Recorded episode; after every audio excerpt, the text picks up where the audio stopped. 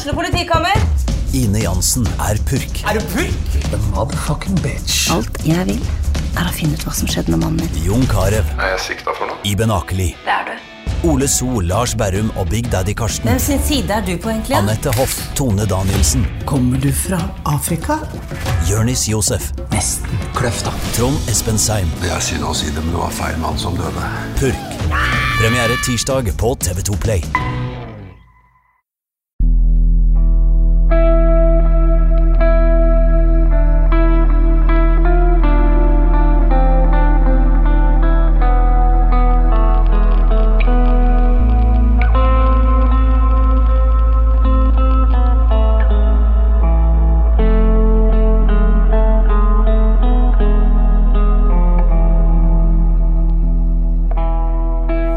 Til en ny episode av Pyro og Pivo. Jeg vet ikke om dere har vært med lenge nok til å huske at for et års tid siden så hadde vi en veldig skummel episode som handla om eh, hvem som skulle rykke ned fra Eliteserien i fotball.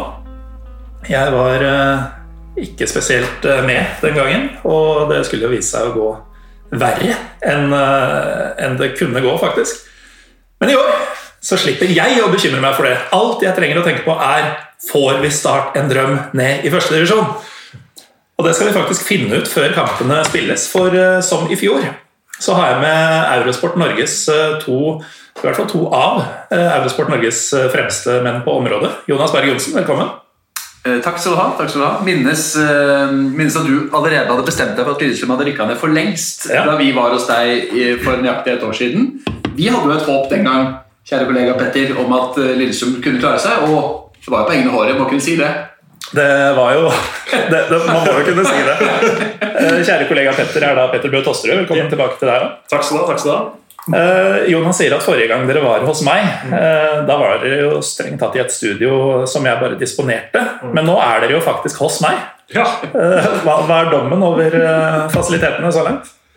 Nei, Først er jeg overrasket over hvor du bor. da. Altså, sånn, det er jo, vi, vi, jeg tror vi kan avsløre, vi må jo bevare mystikken rundt uh, dette her, da, men eh, jeg trodde kanskje du skulle bo litt uh, Du bor i veldig fasjonabelt og fint strøk, da. Så, så det stemmer ikke overens med det bildet jeg har av deg, så det, det skuffer jo. Må vi, beepe ut at jeg nå sier at du er vokst opp Du er, bor der jeg er vokst opp, cirka? Nei da. Så det er jo- Jeg tror til og med jeg står i katalogen. Så Ja, det er helt og Petter, og jeg er jo eh, tror dere er vestkantgutter av eh, art. Mm. Og så har du bosatt deg midt på blanke Maurstua. Er det bedre eller verre enn Fredrik Rokstad som bor på Etterstad? Jeg tenker jo at øhm, alt jeg gjør, er verre enn det Fredrik Rokstad gjør. Uh, I de aller fleste elementer av livet. Uh, men akkurat her så tror jeg jeg tar den, faktisk. Ja, for uh, han bor jo da på et sted hvor du må kanskje eh, trekke snøret litt igjen over regnjakka hvis du er ute og tusler. Ja, jeg ser meg litt over skuldra når jeg vandrer rundt, øh, og det skjer jo ganske sjelden riktignok, men øh, hvis jeg vandrer på den delen av østkanten, da Hvis du vandrer, ja. Ja, da ute og flyr. Det, det er litt sånn småskummelt. Og det, det er jo egentlig sånn helt idiotisk. For det, med det så insinuerer jo jeg at jeg er viktig nok til å bli gjenkjent hvis jeg går rundt på Vålerenga eller Etterstad eller Gageberg eller hva det er for noe. Og det, det er jeg jo ikke. Du er jo, du er jo lett å se duene i horisonten. Ja, duene, faktisk. Ja, Der jeg grasiøst og elegant beveger meg bortover. Um, dere jobber jo tett på denne herlige norske fotballen, eh, begge to. Uh, før vi går i gang med eh, selve båndstriden, da, som det skal handle om i år også. Hva, Petter, har du noe altså Bodø-Glimt selvfølgelig, men uh, hva er det du kommer til å huske best eh, fra årets sesong? Uh, Det er jo dessverre at ting ikke ble som det skulle være. Um, Jeg husker jo at uh, de første serierundene så var vel jeg på SR Bank Arena og på Lerkendal og på Brann stadion, og det var ikke folk der. Um, Det har vært veldig veldig spesielt, og det er det som egentlig kommer til å sitte igjen. da, at eh, ting vi har vært vant, vant med å oppleve. da, Publikumslyden, være tettere på spillerne, den kontakten som vi også har litt sånn utenom uh, når rødlyset går på. Den har liksom forsvunnet på et blunk. da. Mm. så det har jo ikke vært like gøy eh, i årets sesong. Eh, vi har jo vært eh, heldige sånn som har vært på kampene, men det, har vært altså, det kan ikke sammenlignes eh, i det hele tatt med de foregående sesongene. Så denne sesongen her kommer jeg til å huske for all evig tid fordi publikum er borte. Jeg antar at du, er, at du kjenner deg litt igjen i bildet, Jonas? Ja, det blir jo sånn eh, Når vi om 30-40-50 år ser tilbake på 2020, så blir det sånn Hvor var du? Omtrent. Hva gjorde du i livet? Hvor, hvor jobba du? Var du eh, Gikk du på ungdomsskolen og fikk ikke gå inn på kampene til laget ditt? Eller, altså, jeg knagger alltid ting på eh, hvor, var jeg i livet på visse store hendelser eh, hva gjelder eh, internasjonale ting også. da. Hvor var du på 9-11 f.eks.? Sånne Ja. ting som vår generasjon kan feste oss ved. Og 2020 kommer til å bli et sånt år. Eh, nå, utrolig nok så venner man seg jo til alt. Det er jo det som gjør at mennesker kommer seg gjennom sånne eh, kneiker som dette her har vært. På et eller annet vis. Altså, De aller, aller fleste av oss evner å mentalt innstille seg på at nå er det en forandring. Den er kjip, men den er forhåpentligvis eh, så kort som mulig. Og så må man bare krige seg gjennom. og Det føler jeg litt sånn det har vært. At det bare har vært en sånn etappe vi må igjennom. Og så har vi vært heldige og, og hatt Glimt som en sånn eh, gul stjerne på himmelen som vi har kunnet eh, dyrke og kose og bare bade gjennom hele sesongen, egentlig. Hvor sjukt er ikke det Glimt har drevet med? Det er, det, er, det er helt vilt, eh, faktisk. Og jeg nøler ikke et sekund med å kalle det tidenes eliteserielag. Nei, men det kan man jo ikke.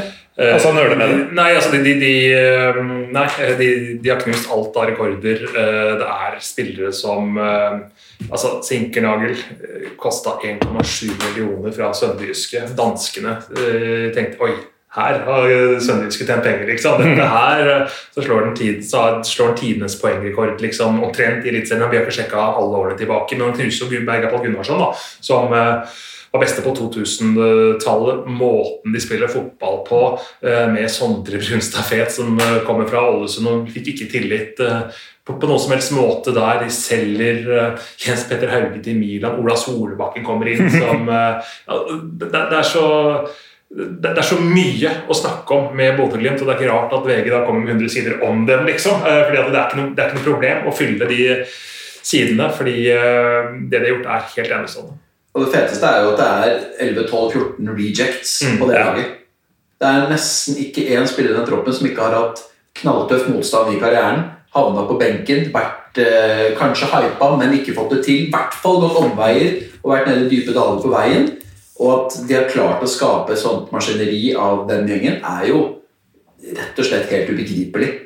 Og man kan, Det har vært stilt en million spørsmål, og hele verdens presse har vært der oppe og forsøkt å finne hemmeligheten. Den tror jeg ikke de engang skjønner i Bodø sjøl engang hva er for noe. Fordi det er, et, det er 100 000 puslespillbiter.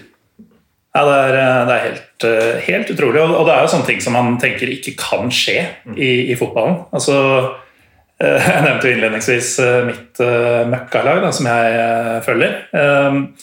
Der har man jo alltid klaga litt på nei, vi har ikke pengene, man har ikke liksom, eh, de mulighetene. og sånn. Man har et, et slags akademi der. Man har Norges beste treningsforhold og sånn. Har ikke vært i nærheten av å produsere på en måte ja, et maskineri, da, som, eh, som en av dere sa. Og, og alt det Glimt har gjort, er eh, direkte naturstridig, ifølge det alle sier om dagens fotball. At det er pengene, det er de store byene, de store klubbene, de store spillerne som må til for å få suksess. Ja, Det er det som egentlig er så fantastisk, for å dra det enda lenger med sporten fotball, da, er jo at i langrenn så vinner jo ikke Philip Boyt femmila. Eh, Det vil han aldri ha muligheten til. Eh, Men i fotball så, starter kampen på 0-0, og du kan eh, si alle de klisjeene der, men, men du har faktisk en sjanse. Du har faktisk en sjanse til å slå ut eh, eliteserielaget i når du er en underdog, et cuplag og den biten der. Leicester har klart det, som vi alle eh, vet. Nå, nå var jo Glimt gode i fjor um, også. Ja, det er jeg så de har på en måte bygd videre um, på det. Men eh, det er jo vanvittig inspirerende da, for alle klubbene som kommer litt bak dem nå, som på en måte har gått i fotsporene, eller kan gå i fotsporene til Glimt, for nå har de gått opp veien litt. Fordi det har jo vært de store klubbene som har vunnet Eliteserien de siste 20 årene, egentlig. Stabæk er kanskje ikke noen sånn storklubb eh, på den måten eh, der, men de har store visjoner og store drømmer eh, på, på Nadderud. Så, så Glimt bryter liksom det mønsteret vi har sett da, i norsk fotball. Definitivt. Um, apropos Stabæk og visjoner, Jonas. Dette blå kunstgresset og Champions League-fotballen og sånn, det lar vente på seg. Ja, eh, Sevilla fikk jo oppleve å spille der med en magisk generasjon. og eh, de, de sa vel i Stabæk at det har aldri blitt utspilt så Valencia. Hæ? Valencia. Ja, Valencia. Ja, var det ikke det jeg sa? Nei, Sevilla sa det. Sevilla, sa det, Herregud. Er Valencia, selvfølgelig. Med David Sia Ja. eh, i, i spissen. Og det ble vel sagt fra hold at det er sist gang vi var i nærheten av å bli så rundspilt som vi ble nå i kampen på, på Aspmyra fikk Sveinsheim, som endte 5-2 da, etter et par trøstemål. Eh, bare for å følge opp den der Det som er så spinnvilt med Bodø-Glimt òg, er jo at etter nedrykket i 16 så var det på en måte en sportslig og mentalt liksom bunnivå. Og så gjør de selvfølgelig en god sesong i Obos igjen, men det har vi jo sett at ikke er nødvendigvis er en eh, garanti for suksess året etter. De gjør en liksom så der 2018-sesong, og så mister de altså, hele sentralrekka før 2019 i, i, i nei, Bjørnbakk og eh, Fardal Opseth. Og så etter i fjor så mister de altså fem av elleve i elveren. Friedrich ut, markant viktig mann. Kom Dahl Reitan, veldig bra høyrebekk. Antageligvis ville vært enda bedre der i år enn det Samstedt har vært. Eh, Bredde Mo har bare starta 13 kamper på stopperen. Eh, Mye skadeplaga. I tillegg til selvfølgelig mm, Håkon Edjen, som var Eliteseriens desidert beste spiller i fjor. Så det har vært en voldsom utskiftning i tillegg. Det er det som er så sinnssykt. Så um, Nei, det, det er bare Jeg er utrolig spent på hvordan alle eh, egentlig hva Glimt kan få til neste år. Hva sier bokmakerne, hva sier forhåndstipsene, hvem kjøper de, hvem mister de? Hvordan blir 2021? Det er jeg så inn i granskauen spent på, fordi vi undervurderte dem radikalt før i år. Det tror jeg ikke kommer til å skje neste år, men fytte rakkeren for et eh, kobbel det ser ut til å være i toppen der eh, i 2021. Ja, og så har Glimt også, altså De som jobber i klubben med Kjetil Knutsen og Åsmund Bjørkan, har sånn, tatt noen knalltøffe valg gjennom de siste um, årene. Jeg husker jo spesielt godt da de avskilte Trond Olsen totalt. En legende i klubben. Han var plutselig ikke eh, velkommen, sto omtrent og løp på, på trening. Og jeg var vel, så vidt jeg husker, blant dem som støttet Trond Olsen på et eller, annet, eh, et eller annet vis. Jeg skjønte ikke hvordan kan man behandle en klubblegende på den eh, måten, og ser ikke at han er nøkkelen til at suksessen har etter hvert eh, nei, etter hvert har skjedd, da, men det sier bare liksom at selv om Kjetil Knutsen i utgangspunktet ikke har hatt noe sånn stort navn, og Åsmund Bjørkan og sånn, de har på en måte bare baller til å bare slå gjennom det de har tro på. De har satt seg i respekt. De har de er tilsynelatende knalltøffe med spillergruppa. Eh, Vi har ikke vært inne i garderoben og på en måte hørt hvordan de er, men vi har hørt noen historier om hvilke krav han eh, stiller til, eh, til laget, og eh, hva de må liksom oppnå for å være med i Glimt. likte veldig godt det Patrick Berg sa i fotball her om dagen. At uh, Kjetil Husen har den samme egenskap som Joakim Jonsson. Han endrer å snakke seg selv sint. Samme som Morten Langli også. Den er egentlig vært ganske fornøyd med treningsuka. Skal bare ha sånn oppsummerende liten prat før, på fredagen før liksom inn mot helga. Og så i løpet av fem minutter så er han fra, frådende meg, Fordi det er så mye han vil pirke på, da, på, eh, på tross av hvor bra de ser ut. Apropos pirking, Jonas. Jeg mistenker at din mikk kanskje gnager litt mot Ja. eh, T-skjorta. Det må vi få Hvis du kan justere den Så. litt. Så. Ja, ja, ja. Legge meg tilbake her i sofaen. Jeg ikke aner hva har foregått i tidligere. Så her finner jeg min plass. Ja, nei, vi, vi får ta det etterpå. Ja. Uh, vi, eh, vi har jo nå snakka veldig hyggelig om et lag som har hatt en strålende sesong og spilt uh, flott fotball. Men det er jo ikke det vi skal handle om i dag. Vi skal jo snakke om de som har spilt drittfotball og uh, har gjort seg selv, eller satt seg sjøl i en svært vanskelig situasjon. Og det er jo For et par uker siden så, så det jo litt mer dramatisk ut for flere lag, men så har jo sånn altså Godset vant en match sist, eh, de er fortsatt med. men eh, det ser ikke så prekært ut lenger. Brann har spilt seg ut av det. Eh, Sandefjord og Serp har redda seg. Stabæk, Haugesund. Det var ganske mange lag som lå på sånn 30 Ja, ja. pluss-minus, som var i miksen. Så um, det er jo litt mer oversiktlig enn det var på denne tida i fjor, men det er jo fortsatt tre lag som, som er involvert i pratende stund. Da. Og vi kan jo si med en gang at uten at det nødvendigvis får alt å si, så sitter vi her på tirsdag før Odd spiller mot Molde, i den grad det får noen påvirkning på dette her. Så um, det betyr at uh, Odd kan enten ha meldt seg på eller ut av uh, medaljekampen før de skal møte Godset på lørdag, uh, når folk hører dette. Men uh, skal, skal vi på en måte sette et slags utgangspunkt for den, eller er det ikke så relevant uh, hvordan Odd ligger an før de skal møte Godset? Nei, altså De vil jo gå for Jeg føler at Odd med bare ett poeng på de to siste kampene nå etter korona og har sett ganske møre ut. Um, kollega Jørn Sundby sa det jo på tampen av kampen på um, Sandefjord sist, så hang de virkelig i stroppene på, på slutten og var heldige som fikk med seg et poeng til slutt. Eh, så jeg har ikke veldige forventninger til Odd egentlig nå i en tøff kamp mot Molde, som selvfølgelig også egentlig er ganske ferdigspilt. da. Eh, og så godset som kommer dit med sånn Henrik Pedersen-energi ut fra startblokkene, som kan liksom Jeg husker Stabæk vant 5-0 borte mot Odd på slutten av sesongen for noen år siden. Hvor de måtte ha tre poeng for å mm, henge med for ikke å rykke direkte ned. Det er ikke helt ulogisk for meg at Godset møter et Odd-lag som ikke har så mange å spille på, som helt opplagt er prega litt av sykdommen som herja troppen, at de kan dra ned dit og vinne. Eh, og, så, og det har egentlig ikke så mye å si hvordan det går mot Molde før. Altså, et nytt negativt resultat vil selvfølgelig banke den spikeren enda lenger ned i siste, men de, de, må jo fortsatt gå for de siste seks poengene de har å spille for, og uavhengig. De må Ja. prøve å komme så høyt som mulig. Det er- handler om millioner og kroner og så videre, Mm. oppi der. Så, Men eh, jeg tror, um, jeg tror Godset fint kan dra dit og vinne på lørdag. Såpass, ja. Ja. Ja, fordi vi, vi må bare sette premissene først. da. Vi har jo, altså Ålesund har jo rykka ned. Eh, Og så har vi da uh, Mjøndalen og Start, som kan rykke direkte ned.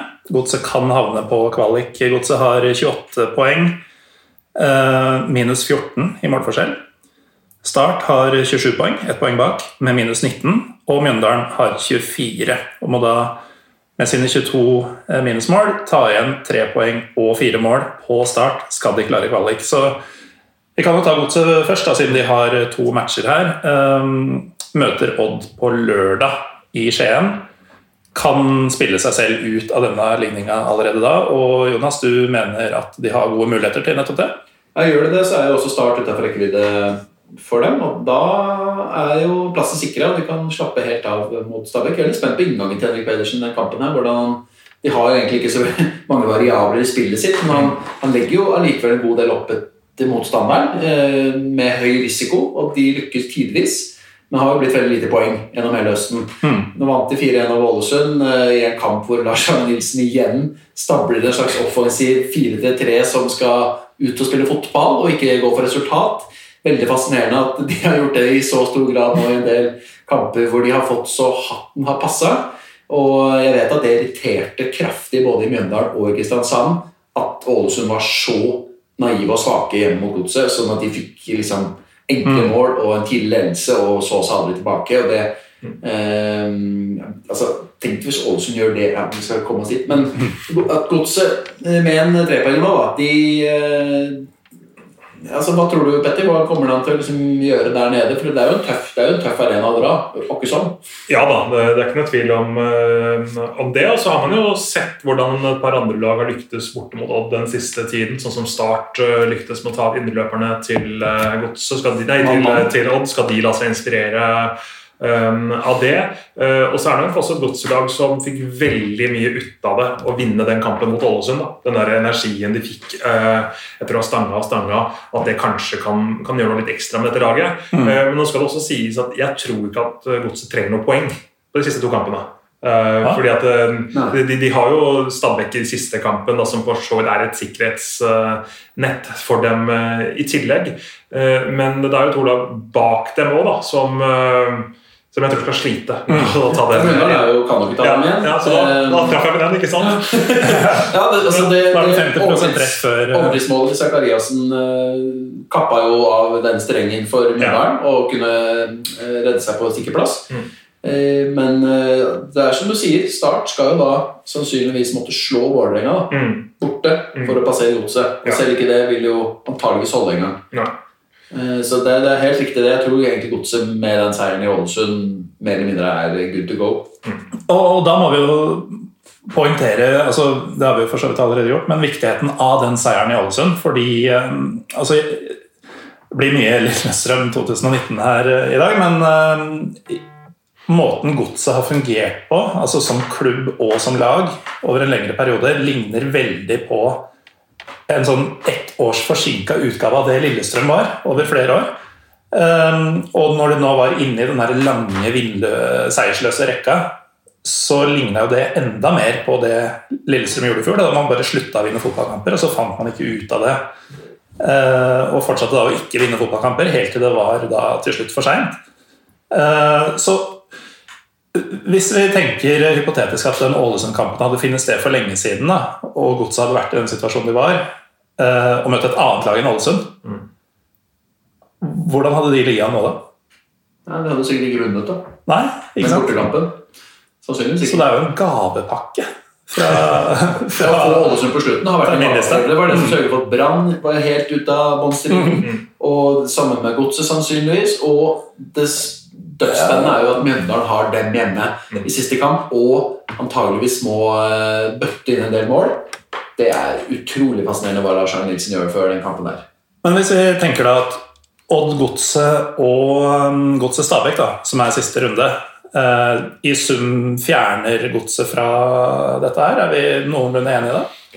Ja, altså det er jo mange variabler her, da, men øh, nå vet jeg ikke om jeg skal foregripe for mye, men øh, jeg tror som sagt ikke at godset er avhengig av noe som helst. Så hva de får med seg av øh, poeng, er for så vidt irrelevant for deres del. Det er jo mest interessant kanskje for Odd sin del, da, med tanke på deres øh, håp om å komme seg til Conference League. Ja. Åh, apropos. Men at Start i tillegg har fem dårligere mål og eh, målforskjell og færre skåra mål, gjør liksom at hvis Godset får med seg La oss si at Start klarer et uavgjort, så vil ikke det holde i nærheten. Ja. Da må, da må Godset tape begge sin, Da må de tape med seks mål sammen i de to kampene. Det tviler jeg på at kommer til å skje. Ja. Og hvis Start uh, vinner, så får de 30 poeng. Da holder det jo med én seier eller to uavgjort for, uh, for Godset. da. Og det er, liksom, det er så mange av disse scenarioene her som er Altså, jeg tipper oddsen for at godset klarer seg, er vel liksom, Sannsynligheten er vel sted mellom 95 og 98% Men samtidig så er det liksom siste serierunde og sånn at det skjer alltid Ja. noe uventet. Det er liksom det man alltid må ta med seg inn til, eh, inn til disse kampene her. Eh, Så det er lett for oss å sitte og si at det her er sannsynlig, det er sannsynlig, og, og alt det der. Eh, Det er jo derfor vi også elsket den dramatikken som vi fikk i fjor. Eh, Det, var vel, det var jo egentlig enda mer dramatisk eh, gjennom hele sesongen i Eliteserien i fjor. I år har dessverre ting blitt litt mer satt tidlig. Ja. Eh, Ja, for den gruppa med lag altså fra åtte og nedover, da, Stabæk, Haugesund, Sandefjord, Brann, Sarpsborg, har jo vært i fare, men liksom, det har, aldri, aldri vært akutt. ja. Altså, vi, sitter her en uke før siste serierunde, serierunde skal spilles, og det er andre hengekamper også, og vi snakker da om tre lag. Og ikke ja, og ja. knapt nok det, nesten. Ja, ikke Selv om godset-tap i Skien, som jo tross alt oddsmessig er sannsynlig, så Mm. er de jo nedi der. Da er det jo ikke mer enn en tidlig skåring til start før eh, pulsen går opp i Drammen. Så snakker vi også om lag som vi hadde forventet at skulle være der òg. da. Godset uh, redda seg siste serierunde borte mot Kristiansund i fjor. Start er nyopprykka. Ålesund er også nyopprykka, selv om de satt vel omtrent poengrekord i Obos-ligaen um, i fjor. Og så har det vært lite trenersparkinger i årets uh, sesong også. Men det er jo to kamper da, som skiller seg veldig ut i siste det er litt typisk det at I de klubbene som har ligget like over her, så Henrik Pedersen har beholdt jobben, Joey Hardarson på tross av en elendig åpning beholdt jobben, eh, og alle de andre lagene òg. Eh, Stare i Sarpsborg, aldri under noe særlig press. Jostein Grindhaug, aldri under voldsomt press. I Stabæk, Jan Jønsson, hadde snakk om det. Eh, Bjarne Berntsen fikk en elendig start på sesongen. Bitte litt murring der fra eh, lokalavisa en bitte liten periode, men så gikk det over. Så det har vært vel Klubbene har ikke råd, eh, og de har ikke, det er ikke så mange klubber som har underprestert nok til at panikknappen er blitt trykka på. Mm. Eh, og det virker som i Drammen at kritikken retter seg minst like mot eh, Jostein Flo som mot Henrik Pedersen. Det er liksom noen trenere i noen klubber som nesten uansett hvor dårlig det går, har en slags standing. da. Som Rikard Nordling som dundra ned med, med Brann, men de elsker Rikard Nordling i Bergen fremdeles. Og de venter nesten med å få han tilbake i den her um, halsparkpotten til Bergens Tidende. Ja. Det er mulig han Dodo ikke representerer alle bergensere, men Nei, eh, det, det, det tror jeg nok ikke. det ble jo rabalder da BA hadde forsiden. Her er flightene du kan velge mellom. Richard Norling. Men de tre Stockholmsflyene som var å velge blant, da, eh, det var jo, ble sett på som smakløst. Ja, det, det, det, det var det jo kanskje også. Ja, ja, samtidig et veldig bra tab- tabloid eh, journalistisk grep, da. Jeg må bare gripe tak i en ting Petter sa i stad, for du nevnte Conference. Eh, og um, den årvåkne lytter merka jo at det var et nytt Europaligapanel i år. Mm. Eh, Fordi nå er jo Europaliga passé som Pyro Pivos eh, foretrukne europacup.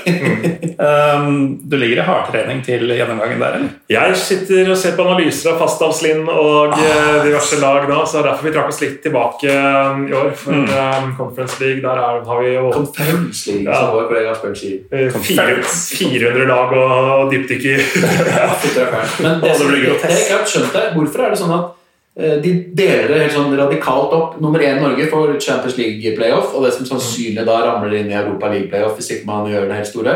Mens de no, to, tre og fire skal rett inn i conference. Hadde ikke vært fint hvis nummer to fikk Europa League. For vi er ikke topp 15. Nei, jeg skjønte det. Eh, Men vi får jo mulighet til å kvalifisere oss til Champions League. Én, selv om ikke vi er topp 15. Det er i hvert fall bra. Men jeg tenkte liksom, hadde det ikke vært naturlig at nummer to i hvert fall fikk Europa League, og så tre-fire Jo, jo da, Det det er, er vel i praksis sånn at eh, Champions League nå blir en slags superliga for faste deltakere. Europaligaen blir den nye Champions League, Ja. mens Conference blir det Europaligaen. Ja. Bare kanskje enda mer jalla, da, hvis vi er heldige. ja, det er jo, altså, Vi kan jo ta det i en annen podd, men det er fordi at Uefa vil bare at de største gutta skal være med. Ja. De vil ikke ha de sjarmerende historiene. De vil kun ha penger. De hater skjerm. Yes. Jeg er helt enig i det. Altså, by all means. Men, ja. men fortsatt det stussa jeg litt over. da, At ikke engang det nåløyet var åpent for, for nummer to i disse landene fra 16 til eh, 28, eller hva det blir for noe. Jeg må bare skyte inn at jeg tror dette blir en jævlig bra episode. Jeg føler det er god energi her i stua på Majorstua. Ja, jeg vet ikke om du pleier å spille inn så mye her, men det det er et rom å trives i. da. Ja. Ja. Og nå kommer jeg rett fra jobb, så jeg har ikke rekke å fyre i peisen. Det hadde vært eh, både hyggelig og varmt her. Ikke sant? Men uh, nå er det bare litt sånn rustikt og, var kaldt. og kaldt. Uh, vi får snakke oss varme, da. Ja. Men uh, hvis vi bare skal ta godset uh, og på en måte eh, sette en slags De har 28 poeng nå. Når de har møtt Odd og, og Stabæk, eh, skal vi gi dem en poengsum? Skal vi bare si 30 for moro skyld, f.eks.? Så har man sikra seg litt eh, i alle retninger. Ja, jeg tror, eh, Jeg tror ikke uavgjort er så helt usannsynlig, egentlig. ass. Jeg, jeg tror kanskje de taper mot Odd, men uh, den Stabæk-kampen, om det er ett eller tre poeng liksom, Det spiller ikke så stor rolle. Eller det Nei, men poeng. det kommer helt an på Alt kan jo skje, som du sier. Altså, Ja, ja, ja, det er ja, det som er. Så de, hvis de tar ett poeng i, i uh, Skien, Mm. så vil, vet de jo at uavgjort vil holde mot Stabæk. Det vil jo endre premisset veldig for inngangen til kampen der mentalt. Mm. Og som selv om Henrik Pedersen alle kommer til å si at vi går for å vinne og sånn. Ja. Du vet at du uansett klarer deg med uavgjort. Stabæk liksom, ok, de har virkelig ikke briljert, men er veldig i svingete i prestasjonene sine, både fra kamp til kamp og innad i kamper. De stabler veldig sjelden 90 gode minutter. Og de hadde jo Kristiansund i kne lenge nå sist, som hadde alt å spille for. Stabæk var ingenting, egentlig. Emil Bohin er i kjempeform. De kan stikke ut der på Marienlyst og, og kose seg og liksom få seg en tidlig scoring, eller et, og, og hvis du da plutselig får en sånn Oi, Schultze 1-0 start, så er vi i gang for fullt. Ja. Og selv om jeg tyder på at Start holder det inn, så er det jo det, er jo det som er drømmescenario her egentlig for oss. At alt sånt Ja, kan skje. for dere. Ja, fordi vi ønsker bare mest mulig dramatikk. ikke sant? Eh, men ok, vi kan snu litt på det, så kan vi vente med godset. Eh, for det virker jo som de eh, Dere har hinta litt om at de kanskje ikke blir så relevante. Eh, skal vi ta, ta Vålinga Start, da? Der er det altså sånn at eh, Start vil jo forvente uh, Mjøndalen-seier eh, i sin kamp. Kanskje ganske solid. Så hva blir uh, altså, går eh, Johannes Haudarsson ut der? Er det for å mure igjen og ta det ene poenget? Ja, jeg tror, øh, jeg tror det. Øh, Start har vært gode til å ødelegge i de siste kampene de har spilt øh, på bortebane. Borte mot Odd tok ut indreløperne, var låst av kampen. Hjemme mot Glimt. Hjemme mot, mot Glimt, ikke minst. Og man har sett at det er mulig mot Vålinga. Ja, og så er ikke Start god så, altså, med all respekt, De er ikke så gode til å skape ting selv. Øh, det er I hvert for- fall ikke avslutte ting selv. Nei, men det er, litt, det er kanskje litt derfor de ligger der, på, der de gjør på tabellen. Da. De har ikke et godt nok offensivt uh, spill. De har Eva Markovic nå som en sånn slags falsk nier eh, på topp. og Det er jo en spiller som er midtbanespiller og ikke skårer mål. Da. Um, og Martin Ramsland har jo ikke skåret siden den kampen vi ikke skal nevne for din del.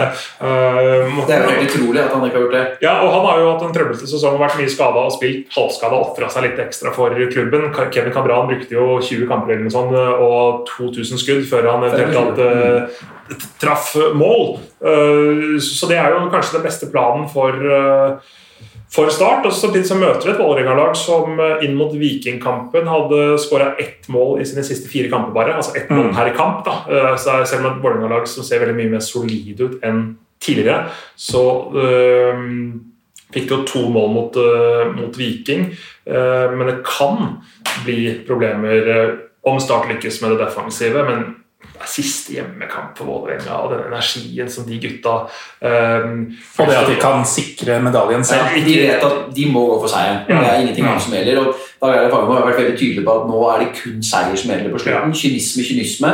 Eh, nå gikk de tomme for krefter på slutten i Stavanger. De hadde jo 2-0. Aron Dønnum Mm. lagde pinneved av uh, Vikstøl gjennom hele matchen. Mm. De fikk ikke ha spa, Mm. og Dønnum var tilbake i storslag. og har hatt tre mål på to kamper. Og så var jo Sarawi også god i den kampen der også. Ja. Eh, Og på hjemmebane der. Nå skal Kjartansson inn på topp igjen. Ja. Wilhelmsson gjorde en eh, god slitekamp i Stavanger, men nå skal han inn og avslutte sesongen på best mulig vis. Men det som taler litt for Start, er jo at jeg tror ikke Fagermo kommer til å slippe alle krefter løs hvis Vålerenga leder 1-0.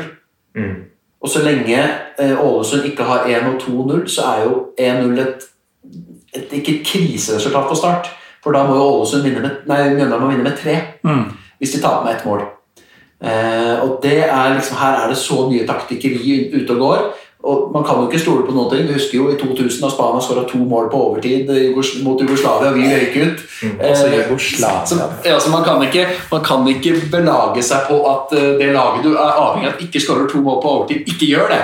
Sånn at Start må jo selvfølgelig da kaste seg fram, men et baklengsmål vil være helt katastrofalt. Fordi det kommer til å gå på antall skåra mål, målforskjell her. Så det er jo sinnssykt mye taktikkeri på slutten av denne kampen her. Og jeg tenkte på det da Mjøndalen dro til Rosenborg sist. Fikk de tidlig 0-1 i fleisen. Så tipper jeg Mjøndalen hadde gjort sånn som de gjorde borte mot Stabæk i fjor. Begrense skaden, tape minst mulig. Eh, fordi at hvert eneste mål er så viktig. da. Nå kan ikke Nå ble det ikke sånn at Mjøndalen kunne tillate seg det, men jeg, jeg tipper at Start ikke kommer til å endre noe kampplan eller kaste noe fram før det er ganske seint. De må virkelig gå gjennom alle disse scenarioene eh, på, på, på trenermøtet i forkant. Hva gjør vi i alle mulige scenarioer? Og da er det ekleste nesten er jo hvis de ligger under med ett sjøl, og Ålesund leder med Nei, Mjøndalen leder med ett, kanskje to. Da begynner det å bli voldsomt ugreit for dem. Altså, fordi da vet jeg at Slipper de ett til, kaster Ja. folk fram, så rykker vi ned. Taper vi 1-0, kan det holde? Mm. Samtidig som man vet jo at eh, Mjøndalen har fått blod på tann. Mm. ja, og Mjøndalen kommer til å bare kjøre på. De kommer til å spille peis alt på i 90 minutter. Ha ett enkelt utgangspunkt. Vinne med så mange mål som mulig. Det er veldig Det er veldig Ikke enkelt, men det er i hvert fall et veldig sånn uh, uh, lite komplekst eh, inngang til en kamp. da. Og, og når vant Mjøndalen en kamp på tre mål for eksempel, da, i Eliteserien? Eh, det, jeg jeg, kan kan ikke huske at det har skjedd, omtrent. Eh, Det har sikkert skjedd en eller annen gang.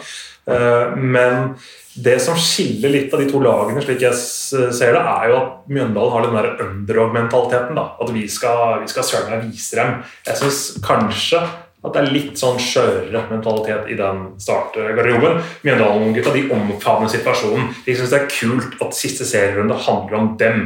Jeg syns det er litt mer eh, shaky Stevens holdt jeg på å si, i midtbaneleddet og forsvarsleddet til, til Start. De har kanskje ikke de der ledertypene på samme måte som de kanskje hadde i fjor, da Damien Love samla dem eh, mot, eh, mot LSK og uh, Børufsen og sånn. Altså, de har liksom ikke helt de samme typene, med all respekt til eh, de startsupporterne som eh, blir forbanna nå. Men uh, dette elsker jo Gauseth. Dette elsker jo Sondre Solholm Johansen og uh, Nakkev og Liseth og, og sånn. Dette er jo kamper de vil uh, antageligvis spille, selv om selvfølgelig må scrap på øvre, øvre halvdel. Så jeg tror at uh, selv om de fikk seg en ordentlig smekk mot uh, Rosenborg, at de kom liksom til den kampen der med en en litt mer eh, ikke så, De er ikke så låste, for å si det sånn. De har ikke så, de har ikke så vondt i nakke og skuldre før de går inn i den kampen. Kanskje litt mer energi enn startspillerne, som kanskje kan være litt mer usynlige.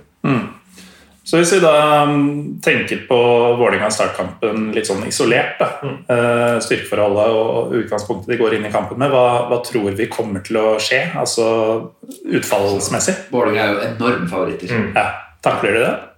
Ja, altså mm, Det er jo det er kjipt å miste tredjeplassen, men de vil jo få fjerde eh, etter all sannsynlighet hvis ikke Odd skulle ranke inn noe masse seire her. Så fallet er ikke så enormt for Vålerenga føler jeg, ved å tape. Men, men det er symbolsk for Fagermo. da. En, en medalje i første sesongen når han skulle gjenreise den, den klubben der som har strevd mye under Ronny Deila, og kommer liksom tilbake og leverer umiddelbart. Ja. Ja, og så, så mye medgang og glede det har virka å være i den klubben, da. Eh, så vil de jo avslutte på skuffende vis hvis de ikke vinner den siste matchen som, Ja. i seg selv. Og særlig med tanke på at de har hatt det så i egne hender Mm. og kasta bort et par unødige med uavgjort bare mot Ålesund, mot Sarpsborg. Eh, De møtte jo da et Ålesund som faktisk prøvde å demme opp og ikke spille fotball. Så de var uheldige i så måte, men de har liksom hatt noen sånn ganske dølle 1-1-kamper på, på rekke og rad. Og um, er jo litt heldig som får en del marginer med seg i den Rosenborg-kampen på et vis. Altså, som gjør at de får tre poeng. Det kunne fort blitt uavgjort hvis ikke det hadde vært eh, 11 mot 10, tipper jeg. Mm. Eh, Men 9-5-0 altså hjemme, det er, jo, det er jo da noen uavgjort. da. De har slitt med å bryte ned lag her og der hvis ikke ting har klaffa. Og det er ikke, de har ikke skåra så grusomt mange mål. Det har vært liksom, De er veldig pottetette, men Mm. eh, jeg, sliter, jeg sliter med å se hvordan Start skal skåre så veldig mye. Altså, de eh, skapte riktignok en del både mot Viking og mot Brann, men de sliter jo med eh, effektiviteten som de har gjort både gjennom hele sesongen. egentlig. De har jo ingen spisser som får tillit på topp. det er bare det sier jo sitt. Ja. Eh, Og- Så jeg ser ikke for meg hvordan Start kan skåre noe særlig mer enn ett mål her. Nei. Eh, Og det betyr jo at jeg tror Vålerenga vinner. Men eh, hvor mye tror vi Vålerenga vinner med? Jeg tror ikke Start kommer til å skåre eh, i, i det hele tatt. Eh, og om de vinner Vålerenga vinner 1 eller 2-0 altså det, det kan bli veldig spesielle scener. Da. Det kan jo, som Jonas eh, sa, ende med at begge lag kan være fornøyd med at Vålerenga vinner 1-0. Ja. Eh, Og så lenge Mjøndalen ikke er i nærheten av å lede med tre, så vil jo Start kontrollere kampen på en eh, 0-1-stilling for dem. Mm. Uten å endre for mye, tror jeg. Jeg er veldig spent på de, hvordan de går inn her taktisk. Som truffet en del på kampplanene helt opplagt i de siste, siste del av sesongen, da, etter en skrall åpning med fem poeng vel, på de første elleve uten å vinne. Og nå har de gjort så gode forestillinger. De kan ta med seg ting fra alle disse kampene. De var jo overlegne mot Brann, egentlig, men ble bare 1-1 da, og kunne mista det. Det- så Jeg, jeg, jeg tror det er en slags selvtillit i den gruppa der på et vis også. Så er det dette med Start Noen ganger har de rykka ned på 2000-tallet. Fem, seks, sju ganger. det er voldsomt. Flest klart, flest av alle, i hvert fall. Og det er vel Det er omtrent hver gang de er det oppe de siste fem-seks åra. Ja, ja, men det er, det er riktig som Jonas sier. De har jo sånn sett en oppadgående kurve. Men det er jo en oppadgående kurve fordi at de har sett på hva er det motstanderlaget eh, stiller med, hvordan kan vi ødelegge for dem. Eh, Ja. Og så spørs det om de lykkes med det igjen uh, mot et, eh, et av topplagene i uh, Men Vålerenga er vel ikke det verste laget å potensielt ta ut, hvis ikke da enkeltspillere der har kjempedagen. Nei, ja, ikke sant, Det er jo disse kantspillerne da, som antageligvis kommer til å bli nøkkelfigurene til, eh, til Vålerenga og Ja, Sarelli. og og, eh, brukbare bekker. Dønne. Jeg er- leverer jevnt og trutt veldig bra. Vikne og Tønnesen synes jeg har vært liksom de siste gangene jeg har sett dem imponert. da, Både mot, mot Brann, mot Glimt. Og så spørs det hvor tidlig det første målet eventuelt kommer. da. Um, Tidlig 1-0 Mjøndalen der. Åh, da er vi glad. Ja, men til og med til uh, Vålerenga Ja, på kampen det kan ta lang eh, tid. Men Jeg, jeg, jeg, tror jo at uh, også, da må jo, jeg, jeg tror jo at Vålerenga kommer til å ta dette med mer enn ett mål. da. Og at uh, Mjøndalen får den hjelpen de, Ja. de trenger. Ja, det kommer, ja. det kommer helt an på hvordan uh, altså, Et Vålerenga som har skikkelig dagen, kan kjøre over dem i start. av Start kan klappe sammen. Mm. Det kan de. Men det kan også se ut som det klapper sammen i 75 minutter. For så uh... Ja. Uff, Slå Nei. Hadde jeg vært Start-supporter, så hadde jeg hatt så god magefølelse. Men det, det har de også, hvis man ser på Twitter. Det er jo uh, flere av dem som har hatt et slags håp en stund, men etter uh, Det var vel egentlig etter at Viking utligna mot Vålerenga at det bare Nå er vi ferdig. Ja, for nå må uh, Vålerenga gå inn i kampen Mm. med alt å spille for. Det Ja, er, så får ikke det faktisk slakt Vålerenga. Ja. Men eh, ok, så Start eh, tror vi taper eh, med ett eller flere mål. Så for å få en slags tabell ut av dette, så må vi jo rett og slett ta for oss eh, Mjøndalen-Ålesund. Mm. Er det noen sjanse for at Ålesund gjør noe som helst her, eller? Ja, eh, det er det. Nå har jo Ålesund vært en kasteball eh, gjennom alle rundene. De har jo ydmyket seg selv, egentlig. Sin, Ja. egen, eh, sin egen stolthet, hvem eh, de er og hvem de representerer. De skal jo gå på butikken og møte folk i juleselskaper og diverse um, gjennom jula. Og når du kommer fra de opplevelsene de har gjort nå, så har jo de selvfølgelig interesse av å reise seg. Og man forventet jo ikke helt det man så sist, synes, i hvert fall etter mitt syn, at de skulle være så åpne og gi bort kampen på den måten de gjorde. Så jeg tror ikke vi kan se det igjen, at de er så nakne. og Dette er jo typer som skal spille seg til kanskje gjevere kontrakter i andre klubber, i hvert fall enkelte av dem. Mm. Eh, sånn som Niklas Kastrov, f.eks., eksempel, som får en siste mulighet til å vise seg på det, neste, på det øverste uh, nivået. Så vil jeg jo si også at uh, det er kanskje litt sånn småekkelt for Mjøndalen dette her, at det er Ålesund alle ja, forventer alle. at de skal vinne den kampen her med hendene på ryggen. Kanskje hadde det vært enda bedre å møte et litt bedre lag. slik at du eh, altså Det gjør et eller annet med psykologien, det der eh, også. Og Mjøndalen er jo ikke vant til å styre kamper. Er det det vi kommer til å se? Skal Mjøndalen spille ut Ålesund? Det, det har jeg ikke så stor tro på. Da blir det eh, eventuelt eh, komme rundt og legge innlegg. da. det er det jo ganske bra Trøkke i boksen, lange innkast, cornere. Og selv om det ikke har vært suksessoppskriften denne sesongen heller Olsen Solberg spiller jo ikke. Nei, så øh, Ja, det, det er, Men jeg, synes, jeg har sett dem med alle Mjøndalen-kampene siste, og jeg syns egentlig de har skapt ganske mye. Ganske mange sånn ok avslutningsmuligheter. Det er ikke expected goal på 0-5 og oppover, men det er liksom det er brukbare muligheter. Og så har de hatt fryktelig dårlig uttelling og vært altså, enormt mange svake avslutninger. Ja. Men uh, nå har de jo mulighet til å stille hele førsterekka med Liseth, Ibrahim og sannsynligvis Brochmann, hvis han er pigg nok til å starte.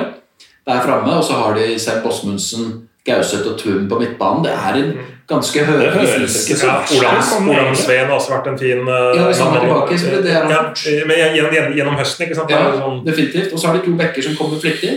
Anne Eriksen er en, uh, litt lite presisjon, men Dragsnes Svendsen syns jeg er veldig ålreit. Og så har de en midtstopperlås som er veldig trygge og solide, og en keeper jeg vil tro Makan er tilbake nå. Som, uh, så de har en setup som jeg syns er veldig Når de har alle disse på plass, og med forsterkningene Særlig midtbanen er jo blitt uhyre forsterka i forhold til hvordan de spilte en del i, i sommer og tapte mange på rad. Så syns jeg det ser Jeg kan ikke se for meg at Mjøndalen ikke vinner denne kampen. Virkelig ikke. Og da fortjener de jo ikke og Da er det jo helt greit. Hvis ikke de vinner, så er det jo det er veldig sånn ok. Ja, da, da er det ikke noe snakk om lenger.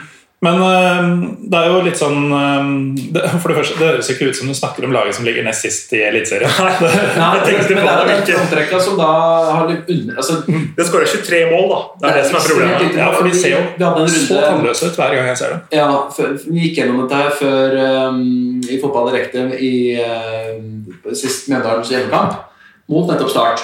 Da gikk vi gjennom Gauseth, Brochmann, Sem Osmussen, Olsen Solberg, Solholm Hansen Alle disse gutta som uh, bidro med målpoeng i fjor. De, de, var jo gått fra rundt 40 til under 10 målpoeng. De seks spillerne som har flest målpoeng i fjor. Mm. 40 til under 10. Da har du liksom mista 30 målpoeng, da.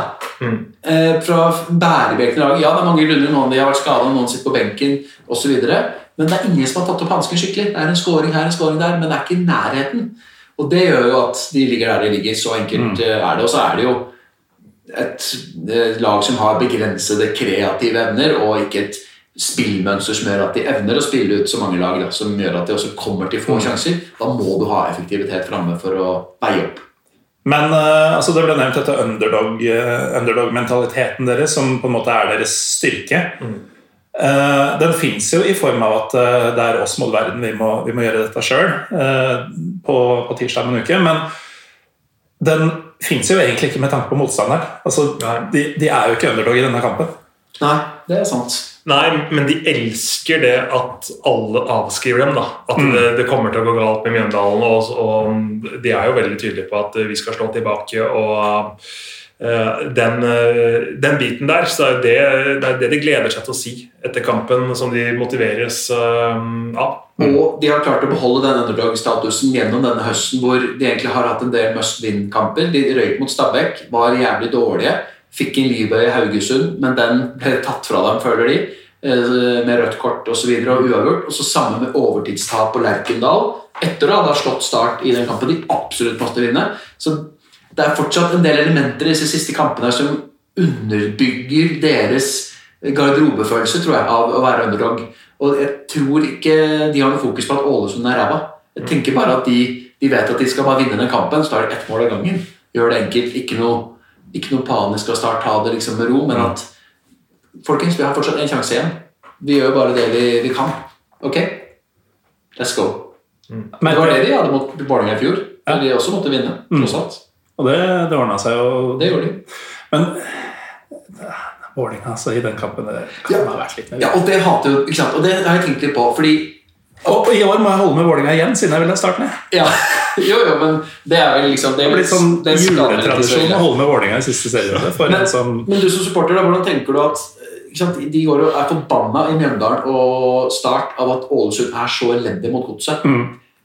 Hva skal Start føle hvis Ålesund igjen ikke møter opp og Ja. taper med tre-fire-fem mål mot Mjøndalen nå? Altså, du hadde jo du har jo lyst til å filleriste noen. Ja, men man kan jo ikke tenke Samtidig har du hatt de kampene mot Ålesund selv. da. Ja, og så har du hatt 27 andre kamper, eller eh, Ja, og. Start ble jo faktisk bortdømt og tapte på Color Line. En fase av sesongen hvor ting fortsatt var åpent. Det var jo Starts, eh, nei, Ålesunds første seier i år. Var vel der mot, eh, mot Start. Så de har jo kasta bort de tre poengene der. Mm. Men det jeg syns er litt interessant, det er jo hva slags Ålesund kommer. For hvis vi husker gjennom sesongen, så har de jo måla ramla inn. Så var det et par kamper Lars Bohin prøvde å låse. Det var annet i Drammen. Fikk de med seg 1-1. Og borte mot Sandefjord 1-0 ultradefensivt. Ellers har det jo rent inn. Så kommer Lars Arne Nilsen inn. Eh, Første kampen var jo nettopp på Sør Arena. Tapte 1-0 mot Start eh, der. Eh, Så tapte de knepet 1-0 hjemme mot Sarpsborg. Så var de egentlig ganske brukbare borte mot Viking, men ble straffa. Fikk 5-2. Så for de gode hjemmekamper mot Rosenborg og KBK tapte bare 1-2-1-2. Alt disse tighte kamper. tighte kamper. Så var de forferdelige på andre, tapte 4-0. Samme mot Odd, tapte 3-0. Så øh, var de eh, kyniske igjen og eh, fikk med seg 1-0-seier i Haugesund. Så var de 12 nummer for små i Bodø, tapte 7-0. Men så var de kyniske mot Vålerenga, fikk 1-1, som stramma til. Men så, de siste kampene, så har de prøvd å spille og nei, nå ser vi mot 2021, nå skal vi bygge, unggutta skal få sjansen, De skal prøve å liksom få til et eller annet. De har ikke tenkt den kynismen som Lars Arne Nilsen er god på. da. Så blir de jo spilt av banen hjemme mot Brann. Elendig hjemme mot Sandefjord, og så eh, kunne de tapt 6-1 mot Molde. Og så taper de 4-1. Nå har de sluppet helt opp igjen. Ja. Så hvis, for Startstedt så er det bare katastrofe hvis dette skjer en gang til. Da, kan, Ja. da kommer det, skjer det, så kan Mjøndalen vinne. Da kan de ta den største seier i Eliteserien noensinne. Ja. På siden opprykket i 15. Og hva vil det være? Ja, hva vil det være? I mellomtida, mens Jonas googler sin egen påstand, så kan vi jo eh, spørre deg, Petter. um, Vinner Mjøndalen denne kampen? Ja, jeg tror de gjør det. Um, Vinner de stort? all logikk tilsier jo at de ikke gjør det. Eh, nettopp fordi at de har skåra så lite mål. Og eh, ja, de har drevet en del sjanser. Jeg husker Sander Liseth var borte, var alene med keeper eh, borte mot Kristiansund der, som også kunne snudd litt på ting i den kampen der, og et par andre sånne eventyrlige sjanser mot, mot Haugesund, blant annet ble dømt litt bort og sånn, men jeg tror at de akkurat akkurat i sånn Mjøndalen-ånd, selv om de også har i Mjøndalen mislyktes når det har gjeldt som mest. Det skal mm. sies det, da. det har ikke bare vært solskinn på Nedre Eiker. Eh, Jeg tror de vinner 2-0. Ja. At det akkurat kommer til å gå. At det akkurat eh, holder. Mjøndalen har vunnet én kamp med tre mål Ja. i Eliteserien i 15, 19 og 20. Og det var hjemme mot Godset for en uke siden. 3-0. Ja, det var den, ja. Mm. I eh, Derby langs. Ja, Én kamp. Og det var jo en helt avgjørende match, hvor de vant 3-0. Det er det som kanskje kan holde igjen. 3-0. Mm. Så for en sesong Godset har hatt. Men eh, Eller for noen år Godset har hatt, og for en utvikling Godset har i det der med å se hvordan en trend går over tid. Hvor lenge overlever du på 12., 13., 14. plass? En kvalik her, en kvalik Ja, der. det kan holde så lenge som tolv år. Ja. Har uh, moderne dere- empiri eh, vist. Ja, men hadde ikke dere noen plasseringer oppi der hvor du da Hadde én på femte. That's it, ja. Ja, fy Resten var på nedre halvdel.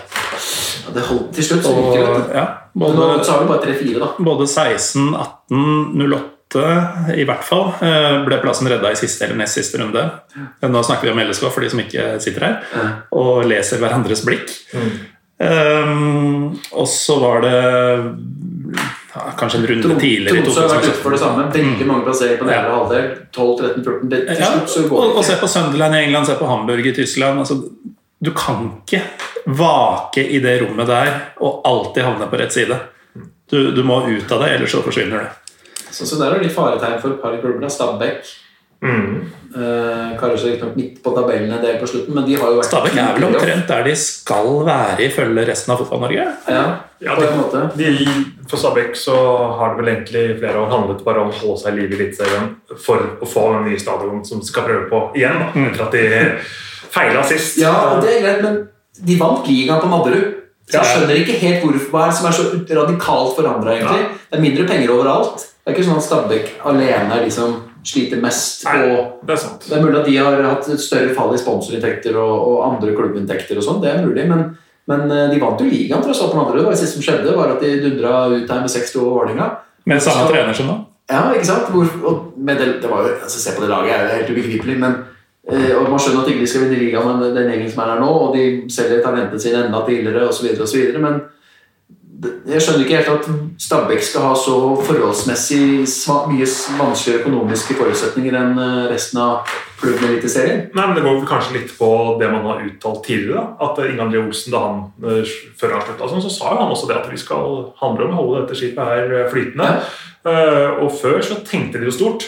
Selv om det var umulig, liksom, så skulle de til den cupfinalen. Eh, de skulle ut til Europa og alt sånt. Så kanskje er de der store visjonene og drømmene som gjør at det faktisk ikke Ja. når dit de kan. nå. Men, men de også var jo sånn ok, Hvis ikke vi får solgt Frank Bolin nå, så går vi konkurs. Ja. Hvis ikke vi får ut Diamande nå, så har vi ikke lønn eh, neste måned. Og så videre. det har jo vært på det nivået, da. Mm. Det var det jo ikke i 06, 07, 08, selvfølgelig. Nei, Åh, for noen penger som fantes i fotballen vår da. Det var, det var moderne fotball. så- presentert på Nadderud. Han hadde liksom halvannen to mill. i året, eller hva det var. Ja. 1990 Men eh, tilbake til Mjøndalen eh, Ålesund. Eh, Jonas Berg Johnsen. Hva blir Eller vinner Mjøndalen kampen? Ja. Vinner de stort? Jeg tror de vinner med to eller tre mål. Det er jo omtrent det Petter sa. Du sa du tror de vinner med to. Mm. Hvilket eh, fører dem opp på minus 20 og 27 poeng. Start har da minus 19, men flere skåra mål og 27 poeng før de møter Vålerenga. Og vi trodde Vålerenga vinner den. Ja. Da er jo spørsmålet rett og slett eh, Blir det ettmålseier eller mer til Vålerenga? Nei, altså De kampene henger jo litt sammen, da. Men jeg, jeg, jeg tror jo, selv om selvfølgelig Mjøndalen har det vanskeligste utgangspunktet, da. det skal vi jo ikke glemme, eh, sånn sett. Eh, Men jeg, jeg tror jo at det er Mjøndalen som får den kvalikkampen, faktisk. Og at Start går ned. Ja, jeg har også en følelse av at det kan skje. Det er et eller annet som sier meg at det blir helt vanvittig på tirsdag. Jeg tror det blir vanvittig dramatisk uansett. Det gjør det jo. Um, Jeg tror ikke dette er- Jeg kan endre på det på et vis. Mm. Jeg tror det kommer til å eh, svinge. Jeg tipper at det kommer til å starte i den enden at enten Ålesund eller Start har ledelsen. Som gjør at å shit, nå er det, lang, nå er det langt unna. Nå, liksom. Og hvis det er eh, Ålesund som gjør det, så er det klart da ser det tungt ut for Mjøndalen. Skulle snu og antageligvis da skåre minst tre, i hvert fall. Eh, kanskje til og med fire må til. Jeg har større tro på at Start utligner mot Vålinga enn at eh, Mjøndalen kan vri eh, en relativt tidlig Altså komme under relativt tidlig til en større seier Ja. enn 2-1, f.eks.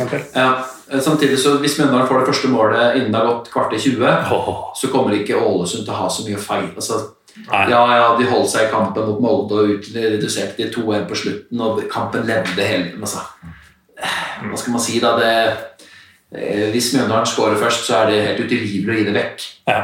Mens, eh, mens motivasjonsfaktoren hos motstanderen til start er så mye hissigere, da, som gjør at Vålerenga kommer til å krige på i 90 minutter pluss, Mm. så lenge de ikke leder med Hvis Vålerenga leder med to, så tipper jeg de kommer til å ta gassen litt.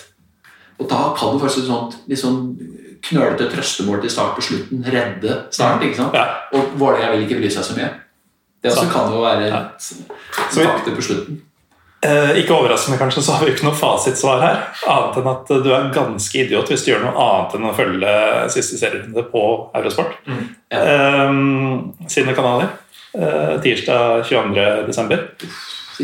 Jeg, har, jeg får skikkelig altså er, Jeg mener at jeg har vært litt matlei. Nå har kjent, kjent at nå er det slutten av sesongen, og det er snart Mm. jul og sånn. Dette nedrykksgreiene har gjort at eh, det har holdt interessen oppe for meg. og bare vi snakker om det, så jeg har så klump i magen på vegne av de involverte. Jeg er glad ikke jeg er supporter. Ja, det, det, det skal det være. For det, det er ikke noe hyggelig å være supporter i, i den situasjonen disse klubbene er i. Um, men eh, da ble det jo sånn at godset på en måte kan seile sin egen sjø og egentlig ta ferie nå. Men tenk å være det laget, eller for så vidt uansett hvem det blir av Start og Mjøndalen, da, fordi det andre skal ut i kvalik i fuckings romjula eller når det blir dette her. Eh, men altså, det er bitte lille julaften, Ja, og det rykker ned. det er fin inngang i jula. Ja.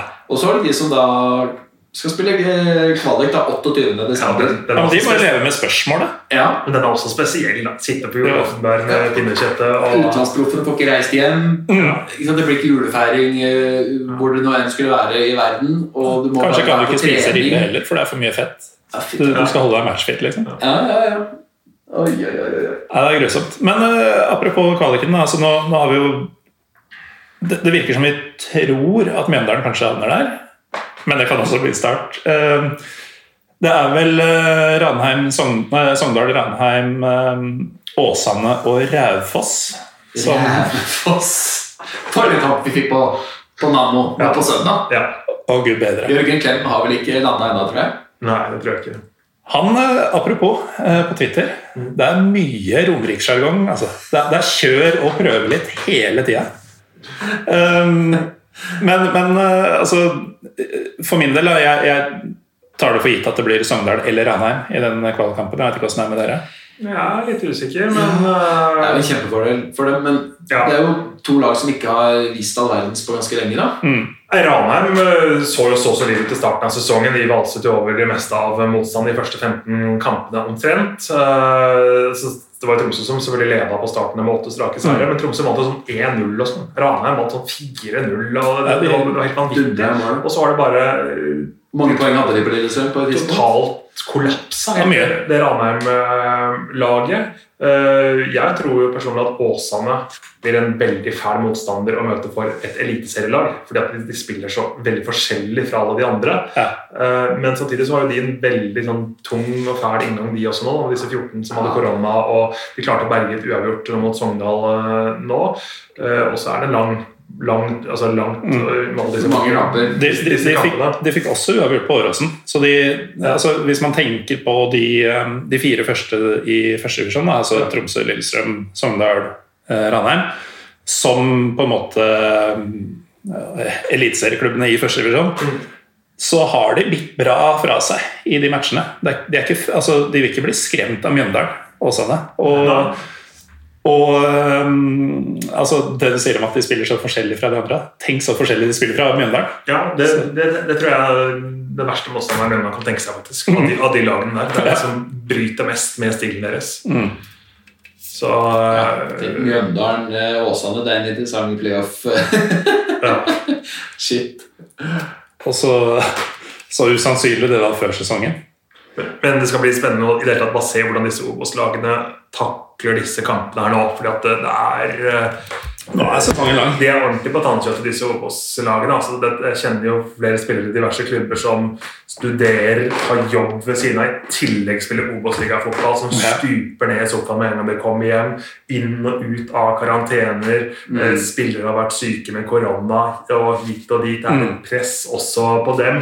Og så får de 10 000 i måneden istedenfor 70 000 i måneden, som en eliteseriespiller kanskje får. Også, så du får liksom ikke noe gratis eh, på noen som helst måte, og du tenker sånn ah, Skal jeg gidde dette? her, liksom? Nå er jeg så kjørt, og så orker da å tyne ut eh, de siste de eh, kampene. Så det er en ordentlig mannholdsprøve for disse. Men så er jo det du sier også en motivasjon til å faktisk tyne ut. da. Fordi det Ja. kan endre alt. Ja, du kan endre, du, På noen dager. Ja, Henrik Udal kan jo få livet sitt endret. Han som ble toppskårer i uh, Obos-ligaen. En fyr som på en måte har slått underfra og kjempet seg opp og fått oppmerksomhet nå med, med Åsane som spissen der. Skal han vise til alle som plutselig skal følge med på disse kvalikkampene. For det er, det er ikke alle som sitter og ser på Åsane eh, mot Øygarden, eh, for den saks skyld. Men kanskje vil veldig mange se på Åsane mot eh, Raufoss eller Ranheim og sånne ting. Oi, Udal er faktisk kvalitet. Skal vi, skal vi legge det budet likevel? Men det jeg føler blir litt avgjørende, er vel egentlig nettopp det. Hvem klarer å grinde ut enda mer krefter nå? Ja. Um, Raufoss med en helt vanvittig avslutning mot Kaffa der. Mm. Uh, hva er det de egentlig Ja, det er en sinnssykt kul avslutning, de kommer seg opp på sjetteplassen, men hva Hva de får, hva får de? Ok, de får en, en sinnssyk rekke mot eliteserie, liksom. Åsane, Ranheim, Mm. Sogndal borte, så en kvalikmotstander på jeg, jeg kan ikke se for meg at Raufoss har det i seg. så det eh, Verken egentlig Raufoss eller Åsane er jo bygd for å spille eliteseriefotball i 2021. Nei, nei, nei. Det er jo de to andre klubbene som har det store presset på seg. Ranheim gikk ned i fjor, det kommer til å bli knalltøft i år. Det, det har de ikke klart å, å følge opp den gode starten. Men Sogndal har jo enda større press, fordi eh, de rykka ned på dramatisk vis mot nettopp Ranheim. Det er jo en faktor her. Ja. I 2018 kom seg ikke opp i fjor. Kommer de seg ikke opp i år heller, liksom? Ja, de har en målsetting om å være topp 20, og der er de, men det er jo Eliteserien. Liksom. De må opp igjen nå, føler jeg på et vis. Så det, Der ligger det største presset, og de har jo også et ungt lag. Mm. Ja, for det er jo de samme gutta som rykka ned, Nei, som, det er eh, som er på vei opp. Knapt Det noen igjen, Ja, liksom. det er veldig, veldig Mens Ranheim har jo hele den samme kjernen og samme trener. Mm.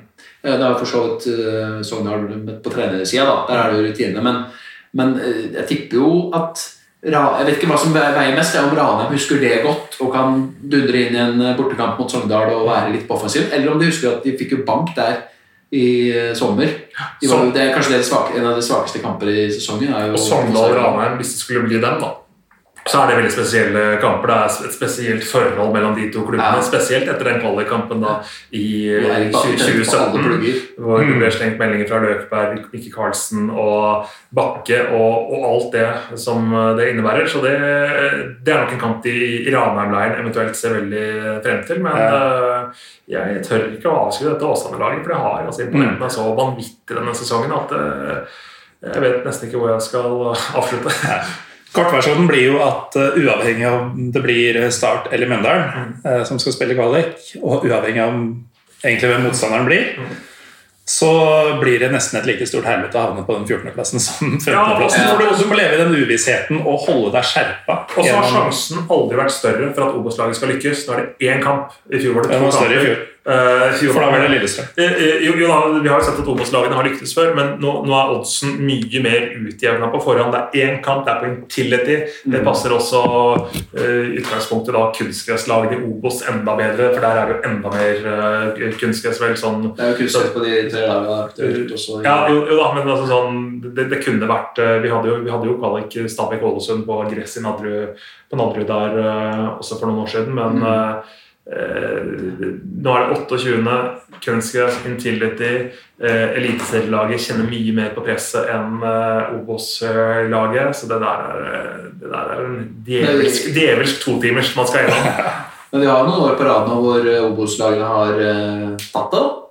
Eh, ja, altså, Ranheim tok jo Sogndal. ja, men Stabæk tok jo Ålesund i eh, året før der. Ja, i 18. Og, så i Nei, det året etter der. ja. og i 16 så klarte også Stabæk seg mot Jerv. Så det er annenhver gang, da, rett og slett. Det har vært annenhver gang de siste Ja, I årene. partallsår så går det greit for Ja, det er faktisk det. Jeg vil jo si at det fortsatt er et lite favorittstempel til eh, det laget som blir med 14. Men der tror jeg det er bedre for Mjøndalen, fordi de har da vunnet den 14.-plassen. Start har tapt den. Det er litt sånn som Lillestrøm i fjor. Og ikke da slå Sarpsborg hjemme i den siste runden. Ja, dere kunne rykka direkte ned òg, faktisk. Det var tight, men dere tapte. Det var ikke noe god Jeg husker jeg ble litt overraska da jeg intervjua um, han eh, godeste danske midtstopperen. Tobias Ahlqvist. Stemmer. Og han var så forbanna etter kampen. Og jeg sa men shit, det var liksom Det kunne gått rett ned her òg. Ja, men det her liksom Det var noe med Da følte jeg ok, shit, dette er innstillingen. da. Ja. Vi har ikke vunnet en ekstra sjanse, vi har tapt en mulighet til å rykke ned. Mm. Det var liksom Og det var en dårlig følelse eh, som jeg tror kommer til å være bedre for Mjøndalen å gå inn i enn eh, Enn Start, ja. Og for så vidt Gods også. Ja, definitivt. Um, og igjen, da, da vil jo Mjøndalen på en måte Hvis de har klart å karre seg opp i siste runde, så vil jo de føle at de kan gjøre alt. Uh, bortsett fra å spille fotball mot uh, Åsane, hvis det skulle bli Ja, den, sånn. eh, ja. hvem, hvem håper Obos-lagene på å få? Jeg tipper jo kanskje Mjøndalen er det laget de Mm. egentlig håper på å få, sånn rent kvalitetsmessig. Ja, det er jo mindre ærefrykt, på en måte.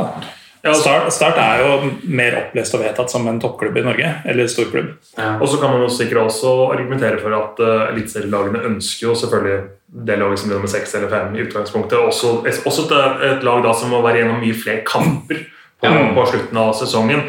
Uh, for uh, uh, Sogndal, vel, som ble nummer uh, nei, tre. Uh, og, og så var det, de må jo vente litt nå før de spiller sin, uh, sin kamp. Er det en ulempe igjen, selv om det er seks dager Ja, fra det- siste kampen til siste kampen? Altså, sånn det, Akkurat i deres tilfelle er det jo kanskje det, fordi de, de har vært litt på hæla de siste rundene uansett. At, ja, det- at de kan helt, hente seg inn og Ja, Det vet vi ikke helt ennå, liksom, hvordan sånne ting vil påvirke. og uh, Om det er noen som kan spille seg i form hos oss med tanke på koronaen, om det er Raufoss-spillerne har fått masse energi og bare kommer til å valse over alt som kommer nå, eller om de er utslitte mentalt etter den der uh, opplevelsen mot Koffa.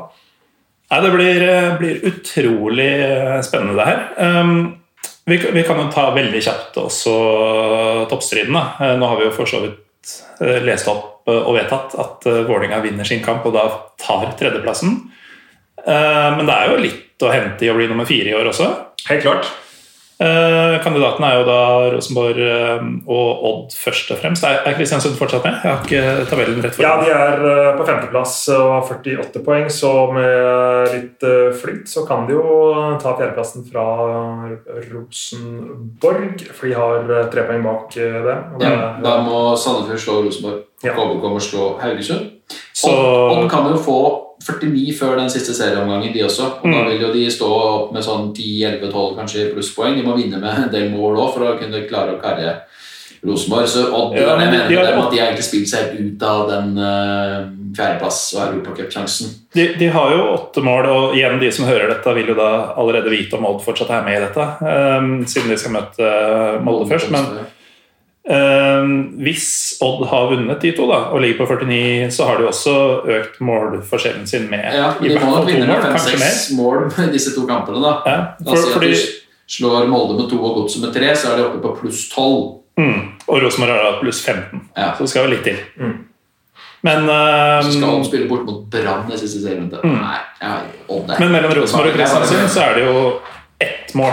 Så det vil si at eh, dersom Rosenborg taper og Kristiansund vinner, så, så er det faktisk Kristiansund som gjør dette. Men, Mm. men det blir vel Vålerenga 3 og Rosenborg 4? Ja, vi- vi- jeg er såpass kjedelig at jeg eh, tror ikke på noen store forandringer på topp eh, fire på, um, på tabellen. Eh, dessverre. Jeg skulle gjerne kommet med noen syke andre påstander, men jeg syns at Rosenborg begynte å finne noe svar i den kampen mot Molde, med tanke på hvordan de skal Ja, det er best i Norge, da. Ja, det- De trenger jo bare å vinne uavgjort. Ja, Islamovic må jo selvfølgelig begynne å se litt mer på tabellen på hvor de faktisk er. Men uh, hvis vi ser bort fra hans uttalelser, og sånt, så syns jeg at i midtbanen der med Skjelbred, der han har spilt de siste årene, der han har spilt sin beste uh, internasjonale fotball, uh, holdt jeg på å si, fant seg mer til rette. Hva har Hareide holdt på med der, egentlig? Det, der, der fikk Joakim Jonsson Ja. grådig rett. Ja. ja. Helt klart. Og borte da mot Sandefjord. Og Sandefjord har vært gode da, mot topplagene. Det skal faktisk eh, sies. Gode i to kamper mot, eh, mot Molde. Eh, og de gjorde det jo ganske tøft for Bodø-Glimt, også i den grad man kan gjøre det tøft for Bodø-Glimt i 2020. Så men, men likevel så tror jeg at dette Rosenborg-laget har det som skal til. Både rundt 1, Molde 2, Vålerenga 3, Rosenborg 4. Så blir Kristiansund 5. Odd kommer til å passere Viking, for de har to kamper til gode, ett mål bak. I tillegg da Viking skal til Bodø og Glimt, sånn at de kommer til å bli stående på de poengene de har. Og da er det topp sju. Og så er det eh, altfor langt selvfølgelig ned til Stabæk, Haugesund, Sandefjord, Brann, eh, Sarpsborg, den slumpen der. Hvor, Mitt har bare blitt tull. ja, hvor liksom Det er ikke det, det som er kjedelig, er at pengepremien de får fra forbundet for å bli nummer 8, 9, 10, 11 er omtrent det samme òg. Mm. Om ikke helt det samme. Så det er liksom ingenting å 8 til 10 er akkurat samme. Ja. Ingenting å spille for. Nei, absolutt ingenting. Um, Vel, vel. Da er vi i et slags mål. Vi, vi har eh, noe som kanskje ligner på svar, men de eneste sanne svarene får du rett og slett ved å følge godt med på den norske fotballen den uh, lille uka som er igjen. Og etter det også kvalikkampene, som ligger an til å lukte svidd i eh, årets sesong. eh, Tilskuere eller ikke.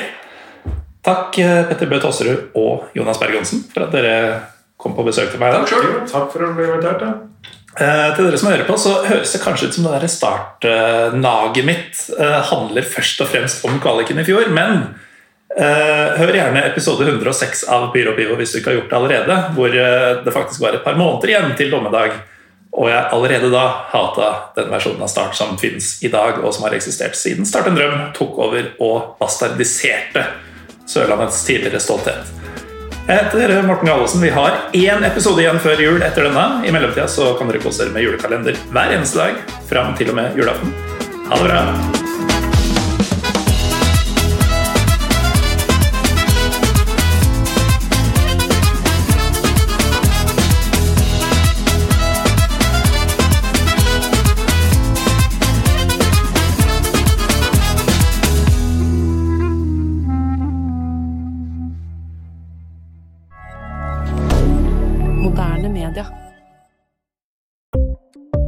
Ukens annonsør er HelloFresh. HelloFresh er verdens ledende matkasseleverandør og kan være redningen i en travel hverdag. Mange av oss har nok vandret i butikken både sultne og uten en plan for middagen, som ender med at vi går for de samme kjedelige rettene gang på gang.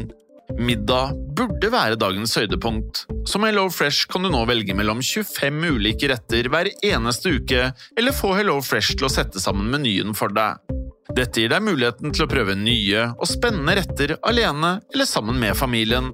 Du velger antall porsjoner og får alt levert på døren på et tidspunkt som passer for deg. Oppskriftene er enkle, og maten er lett å lage både for store og for små. Ved å få alt levert hjem får du også mer tid til å dele matgleden med familie og venner. Kanskje det frister med asiatiske tacos eller greskinspirert kylling? Da kan jeg anbefale deg om å gå inn på hellofresh.no. Her kan du bruke koden FOTBALL og få opptil 1779 kroner i rabatt på de første fem matkastene hvis du ikke har prøvd HelloFresh tidligere. Du kan også bruke rabatten hvis du har vært kunde og stoppet abonnementet ditt for tolv måneder siden eller lengre. Gå inn på hellofresh.no og bruk koden FOTBALL. Har du et enkeltpersonforetak eller en liten bedrift? Da er du sikkert lei av å høre meg snakke om hvor enkelt det er med kvitteringer og bilag i fiken, så vi eh, gir oss her, vi. Fordi vi liker enkelt. Fiken superenkelt regnskap.